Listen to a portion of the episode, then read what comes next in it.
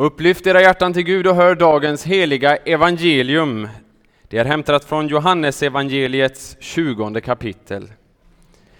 Tidigt den första veckodagen, medan det ännu var mörkt, kom Maria Magdalena ut till graven och fick se att stenen var borta från graven. Hon sprang därifrån och kom till Simon Petrus och den andra lärjungen, den som Jesus älskade, och sa till dem de har tagit bort Herren från graven och vi vet inte var de har lagt honom. Då rusade Petrus och den andra lärjungen ut mot graven. Båda sprang på samma gång, men den andra lärjungen sprang fortare än Petrus och kom först fram till graven. Han lutade sig in och såg linnebindlarna ligga där, men han gick inte in. Strax efter honom kom Simon Petrus. Han gick in i graven och såg också linnebindlarna ligga där och duken som hade täckt huvudet. Den låg inte tillsammans med bindlarna, utan hopvikt på ett ställe för sig. Då gick även den andra lärjungen in, han som hade kommit fram till graven först, och han såg och trodde. Tidigare hade de nämligen inte förstått skriftens ord, att han måste uppstå från de döda. Därefter gick lärjungarna hem igen. Gud sade, var det ljus, och det blev ljus. Gud såg att ljuset var gott och han skilde ljuset från mörkret. Gud kallade ljuset dag och mörkret kallade han natt. Och det blev afton och det blev morgon den första dagen. Varför har veckan sju dagar? Varför inte fem eller sex eller nio eller tio? Enligt de flesta historiker så har sju dagarsveckan så vitt man vet, alltså det så vitt man har spårat det i olika källor, sitt ursprung i Babylonien. Men vi vet utifrån den mest trovärdiga källan att sjudagarsveckan har sitt ursprung redan från skapelsen. Gud skapade världen på sex dagar och vilade på den sjunde. Till skillnad från andra kulturer så gav man inte veckans olika dagar namn. I den hebreiska kulturen så numrerade man dem istället, precis som Gud själv hade gjort i sitt ord den första dagen, den andra dagen, den tredje dagen. Det vi kallar söndag, eller som ni säkert känner till, så var det det, den sjunde dagen, det som vi kallar lördag, som var sabbatsdag, det var den sista dagen i veckan. Den sjunde dagen. Det vi kallar söndag var därför den första dagen i veckan för judarna. Och idag på påskdagen 2022, denna söndag, den första dagen i veckan, så ska vi säga något om detta. Gud sade, var det ljus, och det blev ljus. Det var den första dagen. Och det första som vi ska säga är att Jesu uppståndelse var en skapelsedag. Det andra vi ska säga är att vi ska tala om är vad denna skapelsedag innebar i den situationen som vi har hört om för Maria, för Petrus och för Johannes. Och det tredje, vad kan denna skapelsedag betyda för dig och mig? Just den skapelsedagen. Vi läser i den första versen Tidigt den första veckodagen, medan det ännu var mörkt, kom Maria till graven. Så börjar det evangeliet som vi har idag från Johannes evangeliet. Johannes, som skrev sitt evangelium betydligt senare än de andra evangelisterna, han betonar särskilt dagen då Jesus stod upp ur graven som den första veckodagen. Men vi är ju vana vid att man säger på tredje dagen uppstånden ifrån de döda. På tredje dagen. Så bekänner vi vår trosbekännelse och så har kyrkan bekänt i århundraden. Jesus uppståndelse från graven på den tredje dagen har alltid varit den verklighet som kristna grundar sin tro på, syndernas förlåtelse, kroppens uppståndelse och det eviga livet.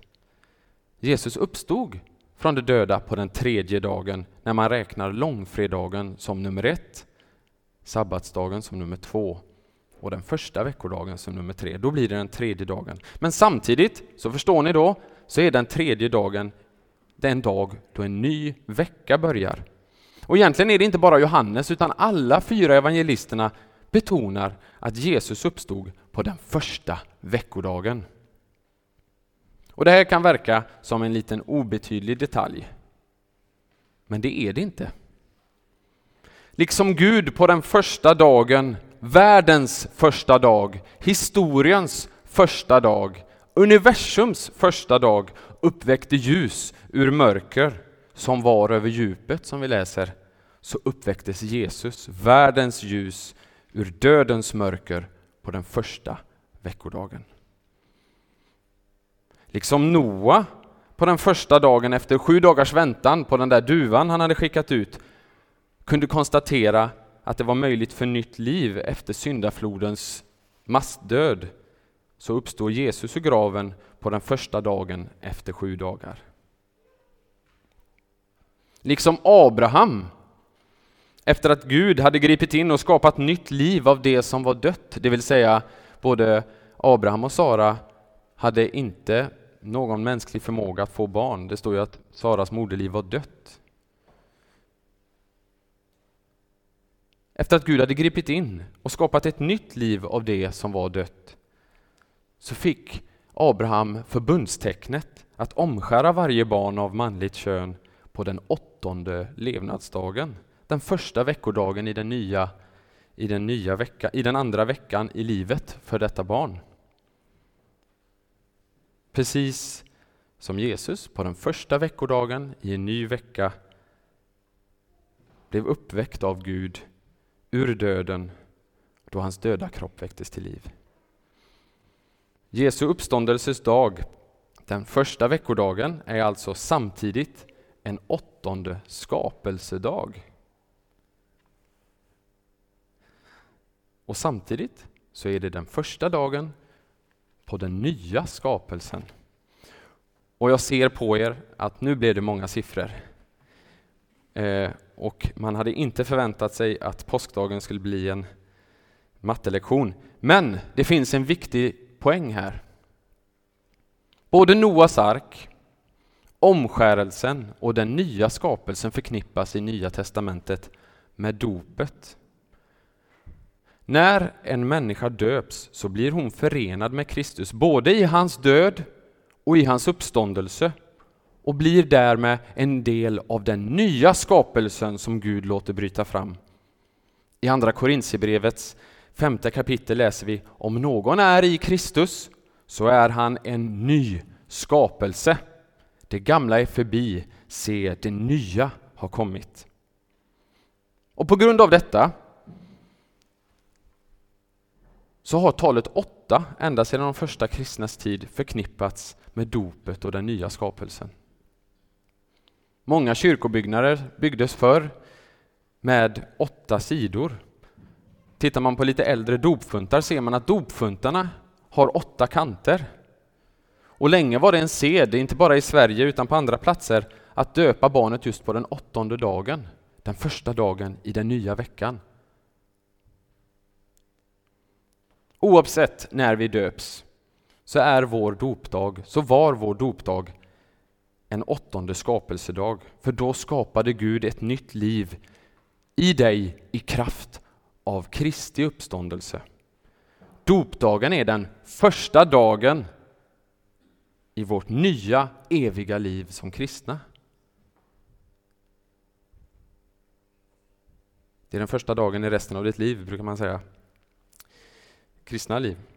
Detta är också eh, anledningen till, anledningen till att den första veckodagen, söndagen som vi kallar det, kallades för Herrens dag, uppståndelsens dag. Och att döpta kristna över hela jorden samlas just denna dag för att prisa och lova den Gud som har skapat deras nya liv och fört dem samman.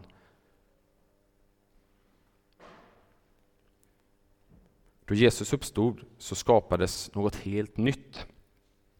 Om någon är i Kristus så är han en ny skapelse. Det gamla är förbi, det nya har kommit. Lika avgörande för vår existens som den allra första skapelsedagen i universum var. För om Gud inte hade skapat världen så säger det sig självt, då hade vi inte suttit här. Då hade vi inte funnits till. Lika avgörande är Jesu uppståndelses dag för vår existens som kristna människor. Om Jesus inte hade uppstått så hade vi inte varit kristna och vi hade inte suttit här tillsammans på påskdagen 2022. För då, som Paulus säger, hade vår tro varit meningslös. Jesu uppståndelse var en skapelsedag, den första dagen för det eviga livet. Och du som är döpt är förenad med honom som uppstod. Och du har tagit emot i dopet livets ande så att du själv kan ha ett hopp om din kropps fysiska uppståndelse och ett evigt liv tillsammans med Frälsaren. Vi läser i Romarbrevets åttonde kapitel om hans ande som uppväckte Jesus från de döda bor i er. Då ska han som uppväckte Kristus från de döda göra också era dödliga kroppar levande genom sin ande som bor i er.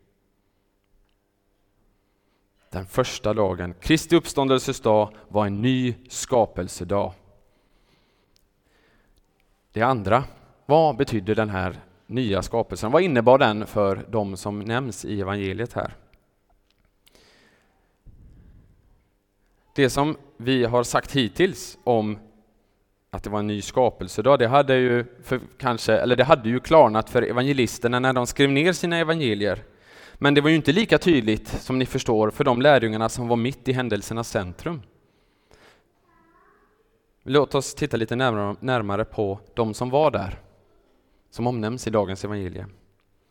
Tidigt den första veckodagen läste vi, medan det ännu var mörkt kom Maria från Magdala ut till graven och fick se att stenen var borttagen från den. Hon sprang därifrån och kom till Simon Petrus och den andra lärjungen, den som Jesus älskade, och sa till dem, de har tagit bort Herren från graven och vi vet inte var de har lagt honom.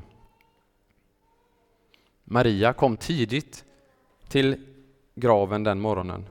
Två dagar tidigare så hade hon varit vid samma grav. Så hon visste vilken grav det var och sett hur Jesus hade blivit begravd.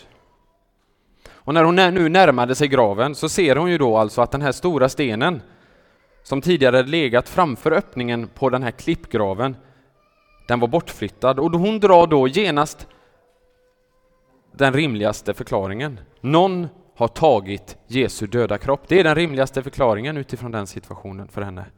Antingen så var det romarna, för soldaterna var ju också borta.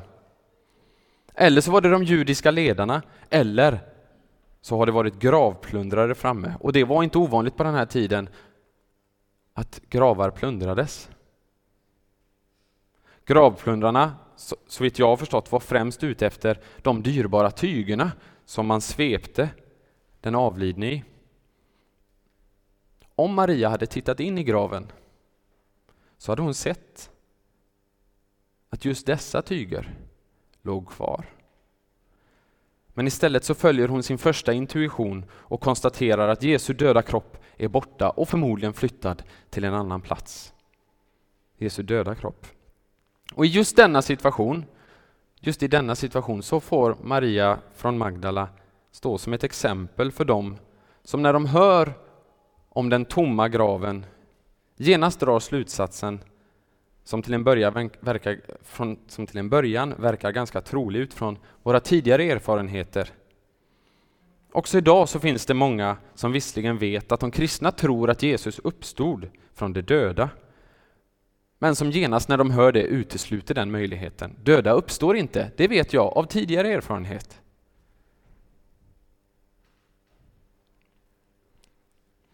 Hur ska man annars förklara det stora ointresse för just detta avgörande tillfälle.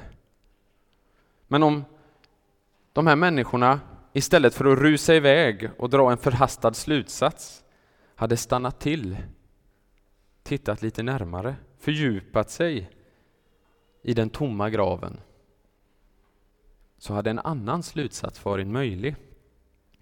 Till och med Sveriges nu kanske mest kände historiker eh, Dick Harrison, han är den som ofta blir tillfrågad att eh, delta när det gäller en historisk händelse eller fråga i tv och i radio. Han skriver jättemycket böcker. Han skrev för ett par år sedan, jag tror det var för två år sedan, artiklar i Dagens Nyheter om Jesu uppståndelse.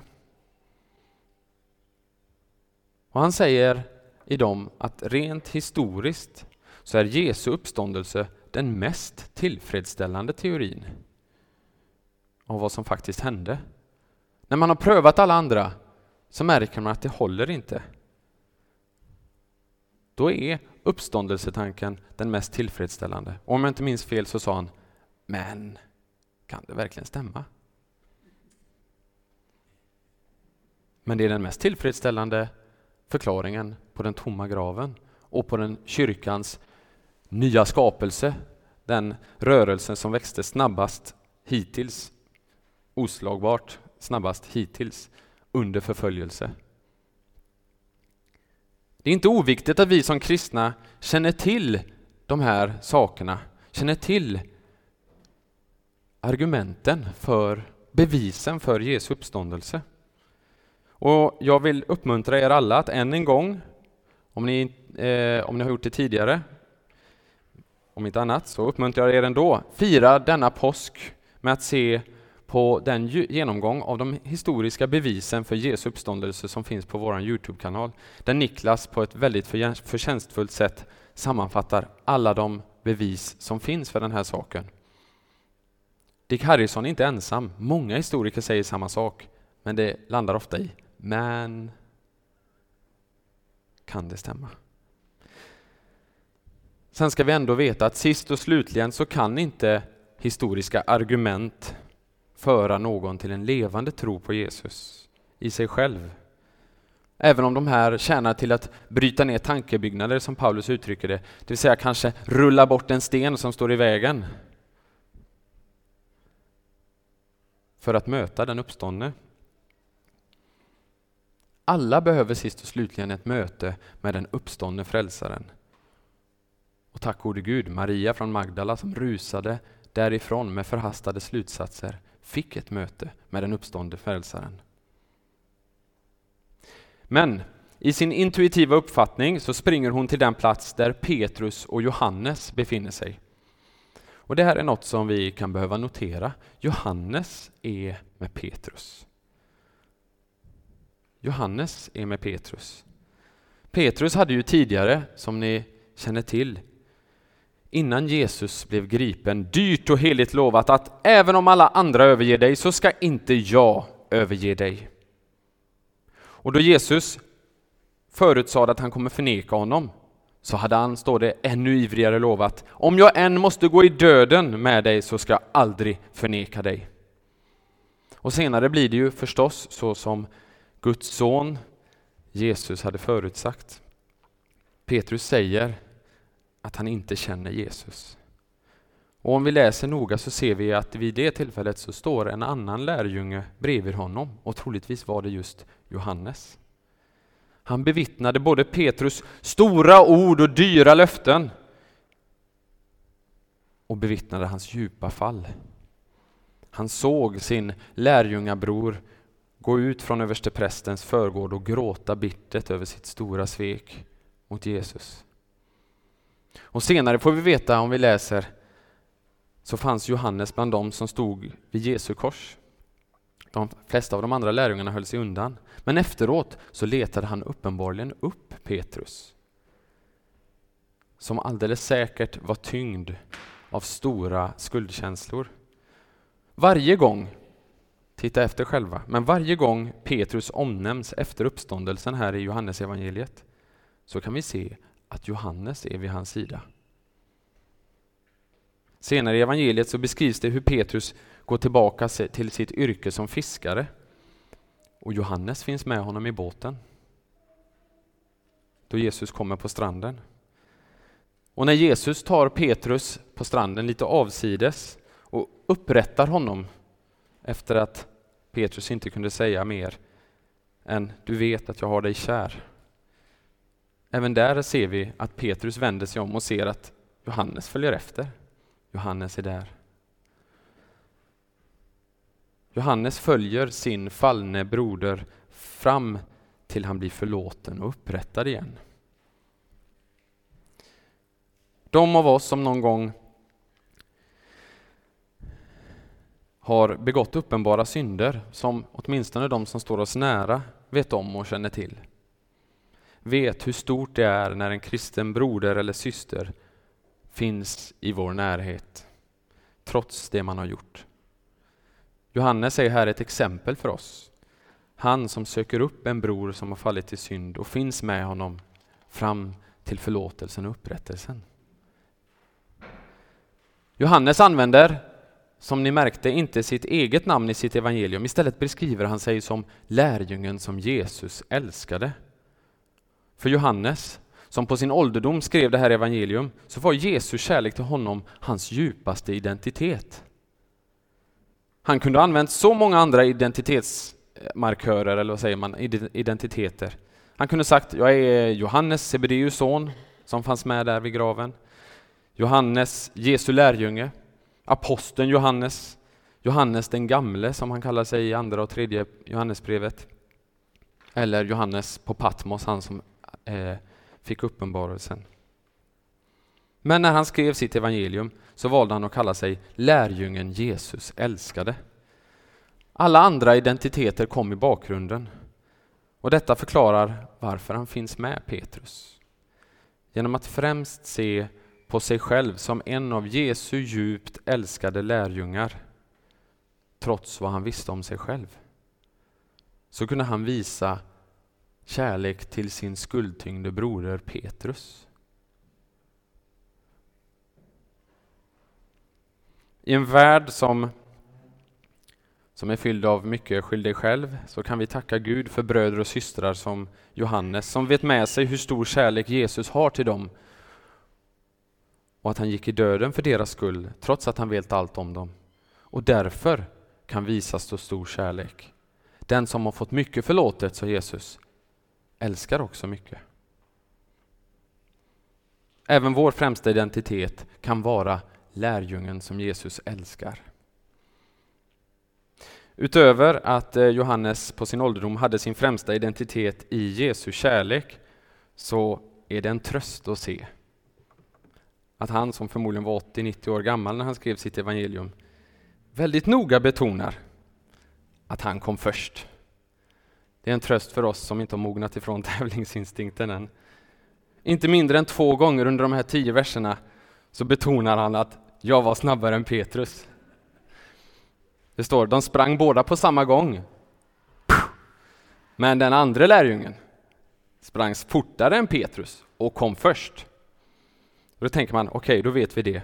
Men i vers 8 så säger han, sen gick också den andra lärjungen in, för han stannade ju utanför.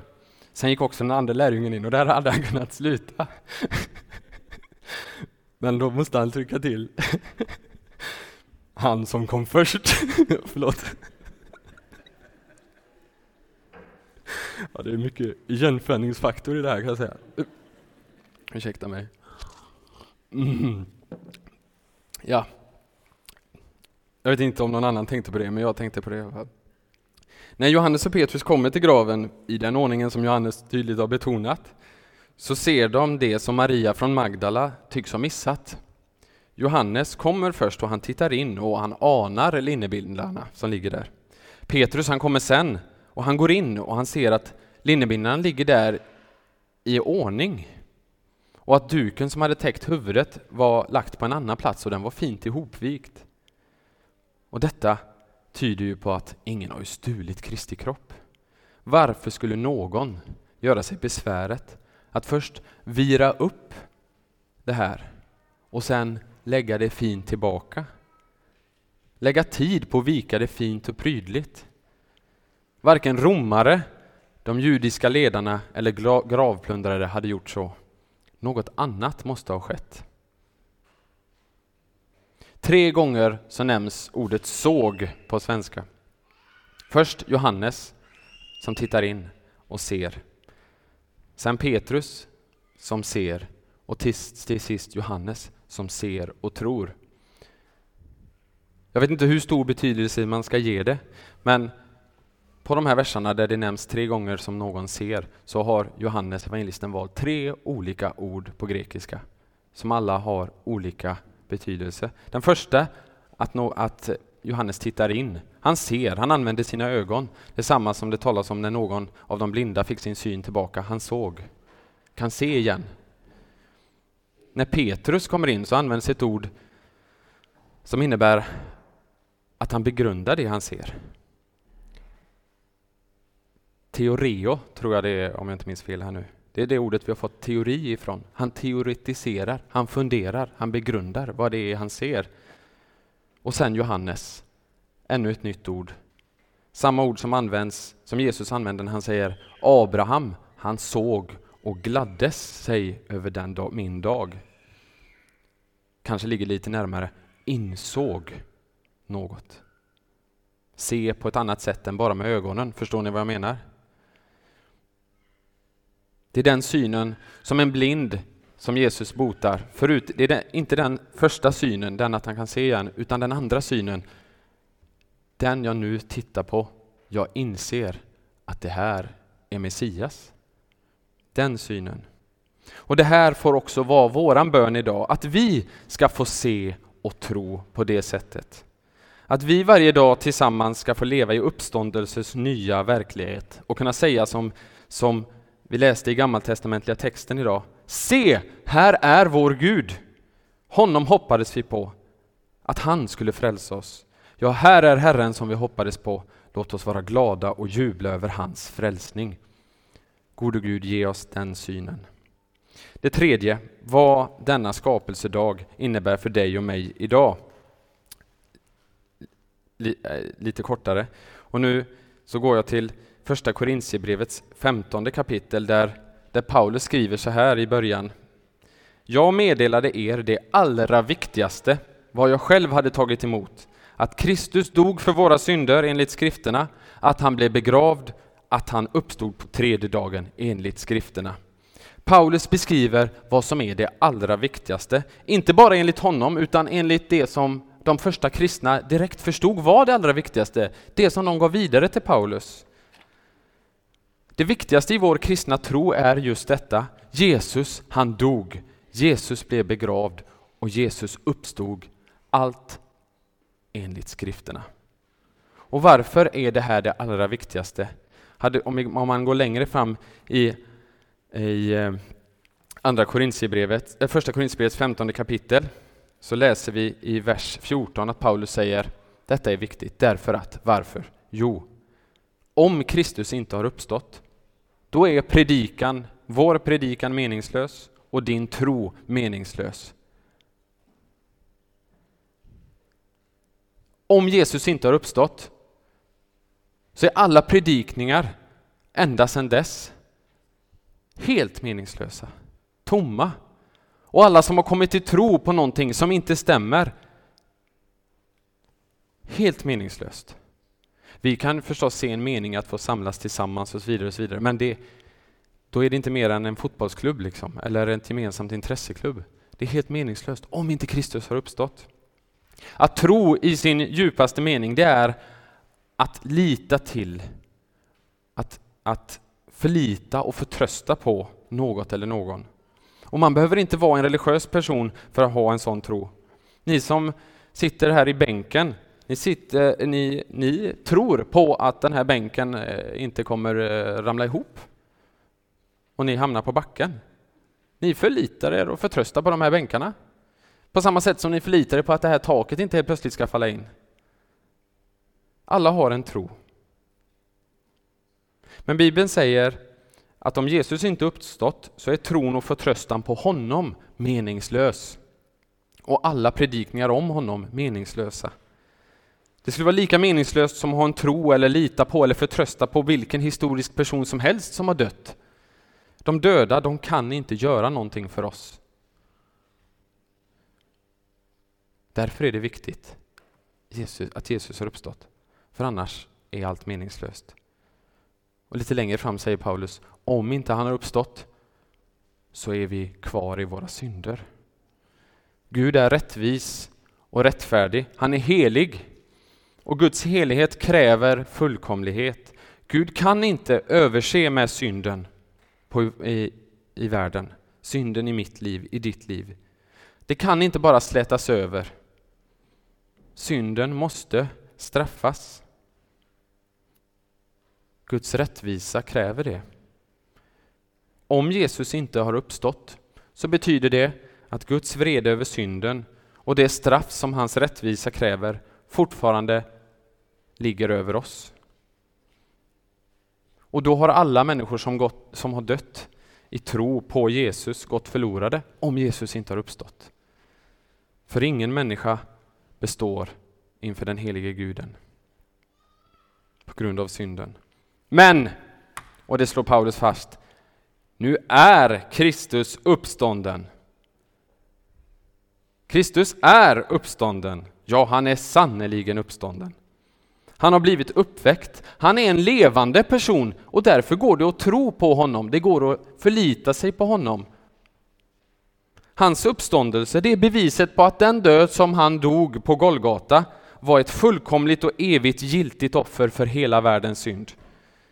Hans uppståndelse vittnar om att Gud är försonad. Synden har blivit sonad. Och i Kristus, förenad med honom genom dopet och tron, så har man full förlåtelse och ett löfte om uppståndelse från döden och ett evigt liv.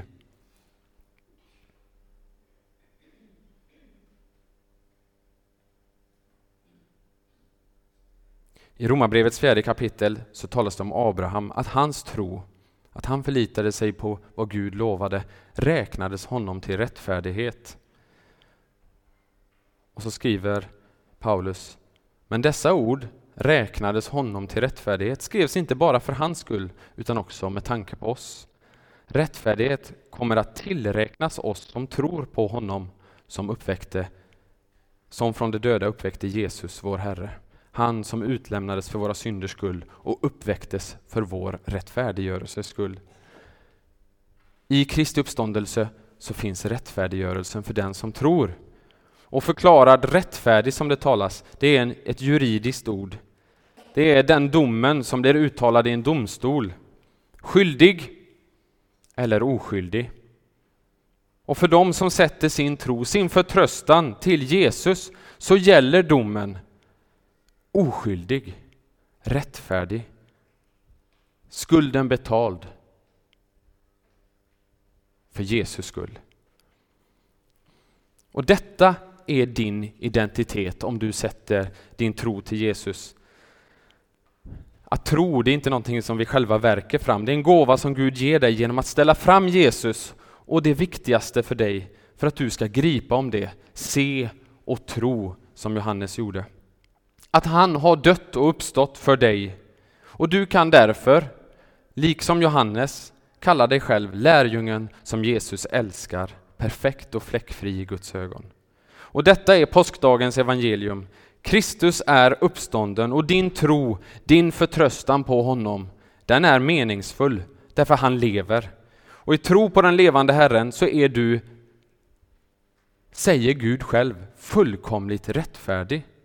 I Kristus är du, säger Gud själv, en ny skapelse och redan nu är du redo för kroppens uppståndelse på den yttersta dagen och ett evigt liv. Amen. Jag lovad vare du Gud och välsignad i evighet som är ditt ord tröstar, lär, förmanar och varnar oss. Fäst ditt ord i våra hjärtan så att vi varje dag växer till i tro, hopp, kärlek och tålamod in till änden och blir saliga genom din son Jesus Kristus, vår Herre. Amen.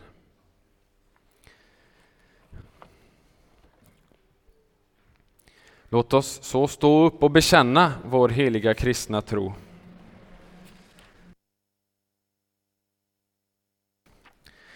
Vi tror på Gud Fader allsmäktig, himmelens och jordens skapare.